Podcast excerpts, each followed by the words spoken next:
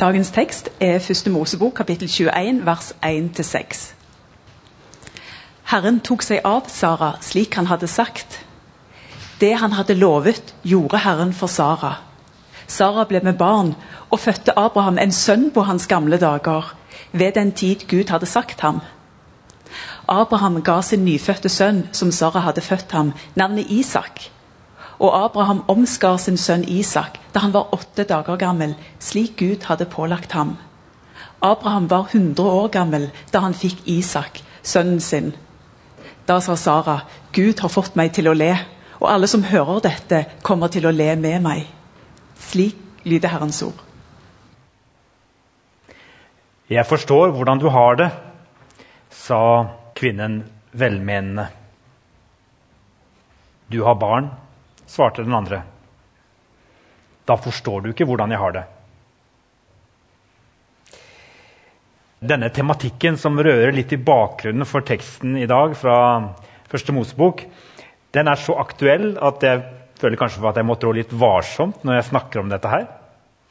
For uh, det er meget sannsynlig at det er både folk i menigheten vår og blant våre nærmeste, og her i salen kanskje, som, som har kjent på kroppen hvordan det er å lengte etter å få barn, og prøve å få det, og ikke ha mulighet, eller på andre måter ikke bli velsignet med det, selv om man kanskje ønsket det. Jeg kunne også gjerne ha vært denne samtalepartneren som forsøker å forstå, men som egentlig ikke forstår. Og sånn er det ganske ofte når vi skal prøve å leve oss inn i andre menneskers liv. Vi kjenner egentlig ikke andre på oss selv. Vi kjenner egentlig bare oss selv. Men likevel så tenker jeg at denne tematikken den berører ikke bare ufrivillig barnløshet og ventingen og gleden over å oppleve dette. Men det, det handler også om noe som er veldig allment for mennesker til alle tider, nemlig å leve i spenningen mellom det vi tror Gud ønsker å gi oss, og det vi tror Han har lovet oss, og det som vi tror er i Hans plan, til og med å få lov til å erfare og oppleve her og nå. Og så venter vi og venter vi og venter vi, og noen ser det aldri, og noen får se det.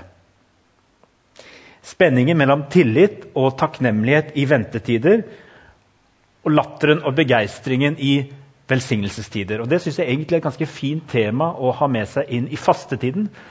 Der vi går i en slags sånn ventetid fram mot Golgata, og vi vet at det er en påskemorgen, og så er det noe med at vi lever en plass i spenningen derimellom. Midt i dette det å tro på Guds trofasthet og det å være trofast. Vår menneskelige reaksjon, som alltid vil være ufullkommen, nettopp menneskelig. Vår trofasthet kan aldri måle seg med Guds trofasthet. Men vi også kalles til å komme med et ufullkomment tilsvar. Ufrivillig barnløshet er altså en stor smerte for mange mennesker. Og det later til å være ganske uavhengig av både kultur og tidsepoke. Det er en form for sorg som kan være vanskelig å sette seg inn i for andre. Og konsekvensene av det å ikke få barn det kan være annerledes i vår kultur enn det var på Sara og Abraham sin tid. Likevel det er mange som sier at vi har et samfunn og ikke minst et menighetsliv som på mange måter er rigget for kjernefamilien mor, far, barn. Og vi kan også lett overføre en slags opplevelse til mennesket uten å være klar over det, at man mangler noe når man ikke kan si at vi er en del av en mor-far-barn-konstellasjon. Og Derfor snakker vi ofte også i menigheten vår om at vi har mange barn, for vi er en del av en storfamilie som vi alle sammen på ulike måter står i, med ulike roller. Det fins mange slags sorger og uoppfylte forventninger. For den som tror, er det helt naturlig at slike spørsmål også blir et tema i relasjonen til Gud. Av og til blir spennet mellom det Bibelen sier, og det vi erfarer, så stort at det nesten ikke er til å leve med, sa bokaktuelle Mariann Nygaard rett før jul til avisa Dagen i forbindelse med at hun kom ut med sin andre bok. Og Mariann Nygaard for de som ikke kjenner henne, hun bor her på Gandal, men har i mange år vært en del av IMI-kirken i Stavanger og arbeider også der. Men eh, vi har hatt besøk av henne i ungdomsarbeidet vårt. For en del år siden så kom hun sammen med sin sønn Adrian og fortalte en veldig veldig sterk historie som en del av dere kjenner. Sønnen Adrian var alvorlig syk de første tolv årene av livet og har 40 operasjonssår, operasjonsarr, på kroppen. Og plutselig kunne han plutselig spise, løpe, gå på skolen og gjøre alt det andre barn gjør. Og Familien er veldig tydelige på at han ble frisk etter å ha blitt bedt for. Og Så kom hun ut med en bok som handlet mye om denne fortellingen. Det å, å ha forventninger og tillit til at Gud faktisk kan helbrede i vår tid. At det er noe av det vi også skal snakke om og framelske i våre menigheter. Og Så kommer bok nummer to, som jeg tror også er en veldig klok bok. Jeg har ikke fått lest den, men jeg har hørt den omtalt. og I dette intervjuet så forteller hun at det er en bok som handler om noe av de erfaringene som hun gjør seg nå, for nå jobber hun med helbredelsestematikken på eh, IMI-kirken, og hun er lærer på Akta bibelskole. og Mye av det handler om å på en måte prøve å tolke erfaringene mennesker har av både at Gud svarer på disse bønnene, og at han ikke gjør det. Å ha en slitesterk teologi i møte med forkynnelse om mulighetene Gud har for å både helbrede og på en måte gi oss de velsignelsene vi tror han ønsker å gi oss, og vi tror vi trenger. Nygaard sier folk forsvinner ofte ut i menighetens periferi når sykdom gjør livet vanskelig. Mange slutter å be og lese i Bibelen og kutter ut forkynnelse. Så denne Boka til Nygaard tar opp hva en gjør mens en venter på et under, og hvordan en forholder seg til Gud når livet er vanskelig. Fortellinga om Sara og Abraham kan leses som en fortelling om det å vente og lengte etter noe som kan virke uoppnåelig menneskelig sett. Hvordan tro og handle mens vi venter på bønnesvaret som ser ut til å utebli. Fortellinga kan også leses som et av mange sterke trosvitnesbyrd i Bibelen om at Gud griper inn og gjør det tilsynelatende umulige mulig. Som Raymond fikk fram på seg en sterk måte i sin formidling i stad. 100 år. Vi vet ikke akkurat hvor gamle Sara var, men at hun var etter datidens forventninger haugammal i forhold til det å få barn. Og så fikk hun det. Til alle tider et utrolig sterkt sånn trosvitnesbyrd. Tillit, takknemlighet, tålmodighet, trofasthet. Det kjennetegnet Abraham og Sara, men også tvil og en smule forakt for dette Gud hadde lovet dem. Sara var ikke den som på en måte viste så veldig overbevist tro om at hun skulle få. Hun lo både før og etter. Og hun lo av Gud, og så lo hun av takknemlighet seinere. Men jeg ville bare peke litt på disse ytterpunktene i livet, og at vi er på en måte et eller annet sted på den veien alle sammen i forhold til kanskje bønnesvaret. Og så gikk tankene mine i forberedelsen tilbake til eh, årene vi hadde i Brasil. Fra 2001 til 2006. Da var vi sammen med mennesker som eh, på en måte ga meg en, eh, en slags ja, en veldig viktig inspirasjon til hvordan jeg tenker om mitt uh, gudsforhold. Jeg kommer aldri til å måte, glemme møtet med mennesker som levde under til et ganske andre forhold enn oss, og hvordan deres gudstro på en måte levde i alt de sa og gjorde. Og så kan vi le av en del av det som vi hører fra brasiliansk kirkeliv og politikk. og forskjellig, og liksom, ja, De er langt ute der det er mye rart som skjer. Men jeg er veldig ydmyk når jeg tenker på enkeltmenneskene som jeg fikk gå sammen med i Brasil. Da jeg kom tilbake, så skulle jeg holde en bibeltime. husker jeg. Og så tenkte jeg at Noe av det jeg ville gi videre, det var noe av dette forholdet til det at vi har fått alt vi har fått. Alt vi har tatt imot, alt det vi er, alt det vi har, det er dypest sett Guds gave til oss. Gitt å forvalte. Enten det dreier seg om materielle gode, eller det dreier seg om ja, til og med barna våre de er på en måte til låns. Dette gudsperspektivet som lå i over hele tilværelsen, og som jeg tror mange opplever også at afrikanere ofte har. Altså, Der vi i langt større grad på en måte klarer å parkere Gud litt oppe ute i et hjørne som ikke kanskje gjennomsyrer tilværelsen, så har de på en måte en helt annen tanke om at Gud er i alt. Jeg lagde en liten rapp den gangen. og Det er egentlig en bønn. og Den var sånn Jesus gi meg nåde, mot og kraft til å forsake, være raus, fornøyd og nøysom, av ditt eget gi tilbake. En slags oppsummering av det jeg opplevde. De var gode til både å forsake, til å være fornøyd og til å gi tilbake. Alt i en tillit til at Gud er til å stole på. Selv om vi ikke ser at han innfrir, så er han til å stole på.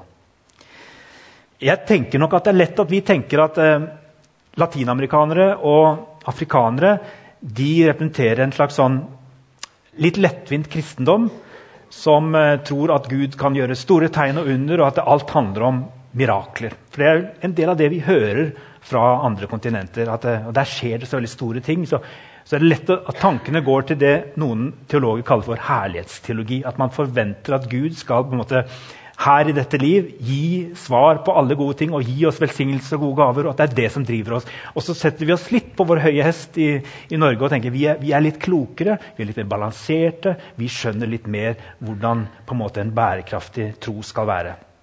Mon det. Sannheten er egentlig den motsatte, tror jeg. Hvis jeg skal oppsummere andre kontinenters kristendom Selvfølgelig enkelt, men med ett ord så er det tillit til Gud. Ikke eh, en tro på at alle helbredelser skjer, at alt kommer her og nå, men tillit til Gud. I det brasilianske språket, uavhengig egentlig av om de er katolikker eller kristne, og kanskje til og med sin avstand eller nærhet til til, til, Gud, vil vi kanskje si, men de har en del sånn språklige fenomen.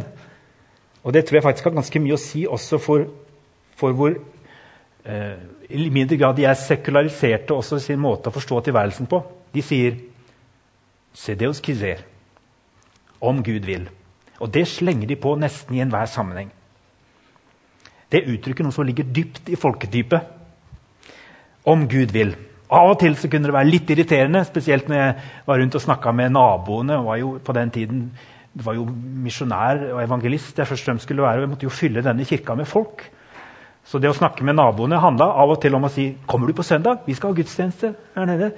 Og da sa de aldri nei. Men de sa 'Sing. Ja da, om Gud vil. Og, og av og til så var jeg veldig frista til å si 'Gud vil, men vil du?' For det ordet det slengte man på i en og hver sammenheng. Men det ligger jo en tanke om at hvis jeg får det jeg lengter etter, så handler det om at Gud gir meg det. For alt jeg har, eier, det får jeg lov til å forvalte. Det har blitt gitt meg av Gud. Så det å skrive, Om Gud vil, går det bedre med deg, kunne jeg spørre folk. Ja, gracias a Deus. Gud være takk, svarte de nesten alltid da. Hvis det gikk bra med dem. Eller bare som et umiddelbar respons. Tror du at du finner et arbeid igjen snart? Ja. Se det hos Kizer, hvis Gud vil. Tenk at du har fått et arbeid igjen! Ja. Gracias a Deus. Gud skal ha takken.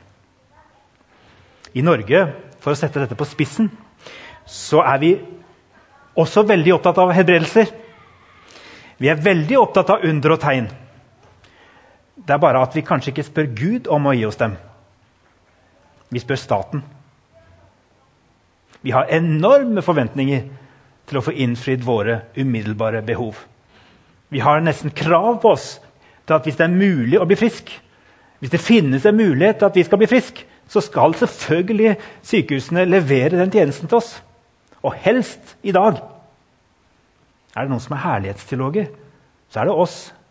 Det er bare at Vi spør kanskje ikke Gud om å gi oss det, men vi, vi henvender oss til uh, våre menneskelige myndigheter og vi vet veldig godt å si fra hvis eh, sykepleiere og helsevesen ikke leverer tjenestene på en skikkelig måte. Da skal de få høre det, for vi lever da tross alt i et velferdssamfunn. Jeg tror vi er herlighetsteologer. Vi krever at vi skal få det vi ønsker oss nå og så raskt som mulig. Vi mener ikke bare at vi burde få det, vi har krav på det. Det er vår rettighet. For vi har jo betalt inn, må du vite, til denne staten. Og skal ikke vi da få tilbake det vi har betalt inn? Men når vi snakker om sånne ting i kristen sammenheng, eller i forhold til Gud, så får vi veldig ofte høre at eh, det er en teologi som ikke er bra. Eller f.eks. Hvis, hvis brasilianere eller andre sier at det å gi tiende, det å gi til Gud det han skal ha, og at det er en del av et kretsløp Og velsignelsene kommer også fordi vi er lydige og stoler på Han. At vi får det vi trenger når vi stoler på Han.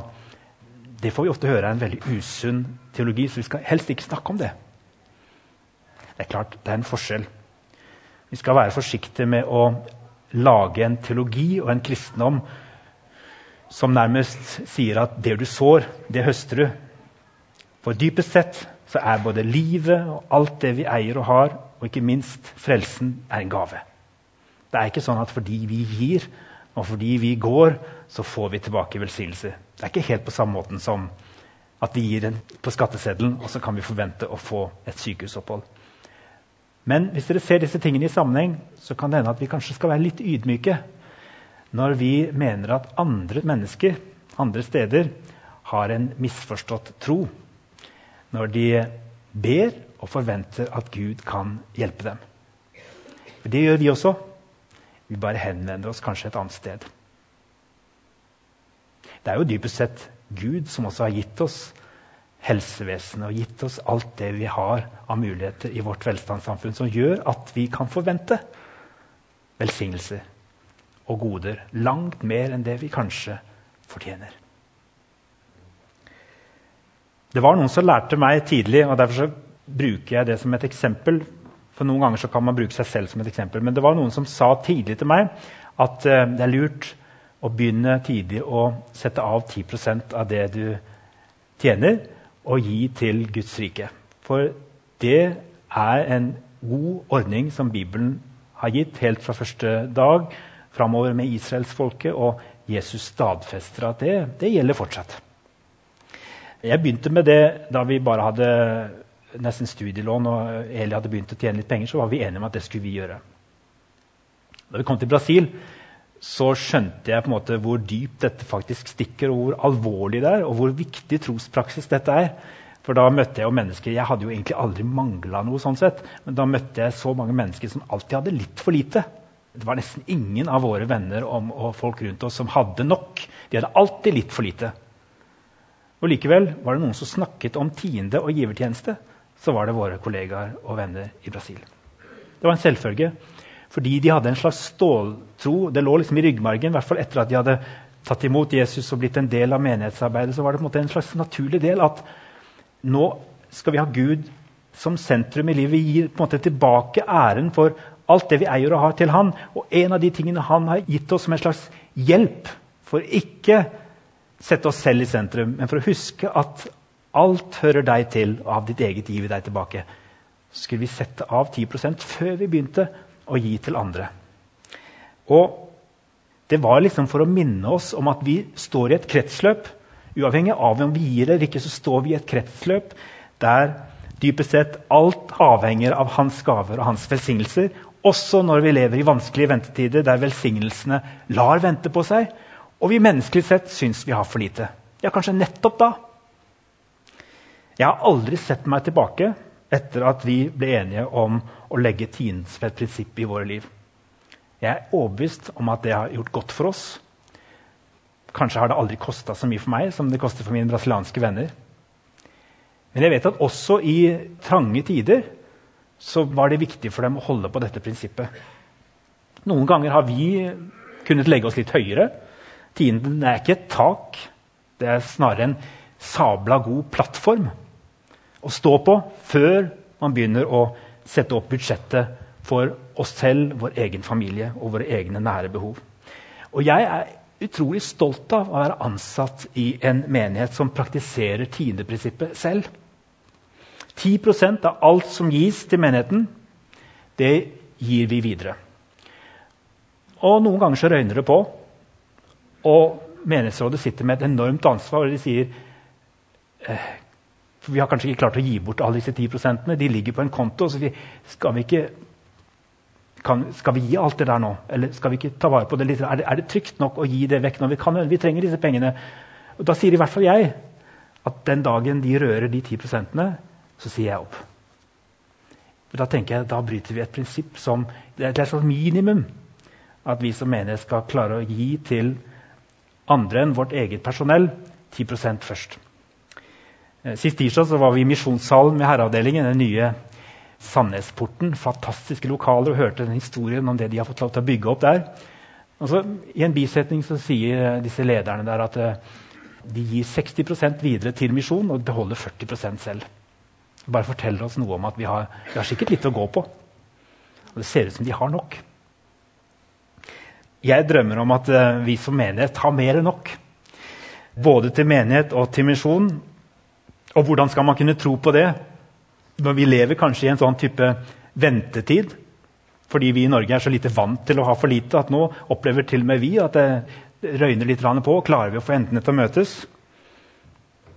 Er det en tid for å redusere menighetsarbeidet? Ja, det kan godt hende at vi som veldig mange andre må, må sette tæring etter næring og kutte kostnader.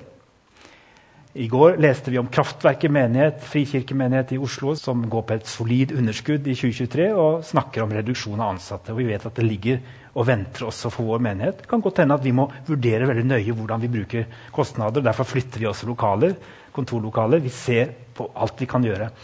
Men det jeg har lyst til å si til dere i dag, det handler ikke så veldig mye om eh, oss voksne, men det handler om neste generasjon. Jeg tror nemlig at det er en sammenheng mellom denne fortellingen om Abraham og Sara og Isak og det som har med å stole på Gud med det vi eier og har.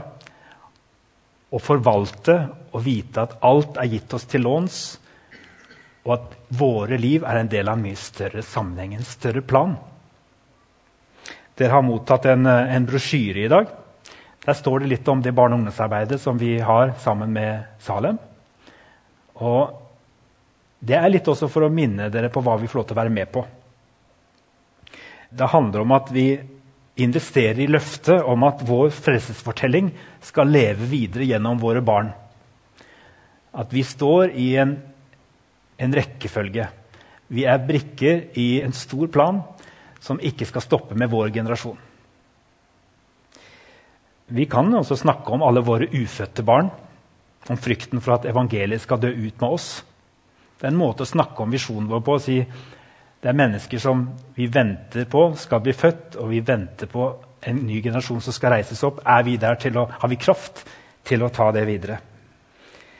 Da handler det om å våge å leve vårt liv i en større sammenheng, om å tro på undre som kan skje når vi våger å løfte blikket og si at alt det vi eier, det er gitt oss av Gud. At vi får stå i en større sammenheng, en storfamilie som er gitt å forvalte budskapet om at det er Gud som har skapt oss, og at det er Jesus som kan frelse oss. Noen ganger så sier de som har uh, vitnesbyrd, at de er blitt minnet om noe. Og det er spennende. Det er et lite bibelvers som jeg er blitt minnet om. Og så er jeg litt usikker på om det skal brukes i dag, men jeg gir det til dere, og så kan dere ta det for det det er verdt. Det står i 2. kongebok, kapittel 19. Det er et ord som jeg tror skal brukes med forsiktighet, og kanskje burde det ikke blitt tatt ut av sin sammenheng. Det er et ganske alvorlig ord midt i en krigssituasjon. Men det er kong Hiskia, og det er på Jesaja sin tid, men det er kong Hiskia som var en av de kongene som beskrives som en uh, gudfryktig konge, som likevel kommer inn i en slags krise. Han står overfor en ytre trussel som truer hele hans rike. Og Da gjør han noen dårlige valg som er imot Guds vilje. Og det er i refleksjonen over dette at, og i erkjennelsen over at han har faktisk glemt å stole på Gud, at han har begynt å stole på sin egen kraft, at han sier i vers 3 i dette kapittelet Barna er kommet til livmorens munning, men det er ingen kraft til å føde, sier han i fortvilelse over den situasjonen de er kommet i. Barna er kommet til livmorens munning, men det er ingen kraft til å føde. Hva er vår største utfordring i Norge?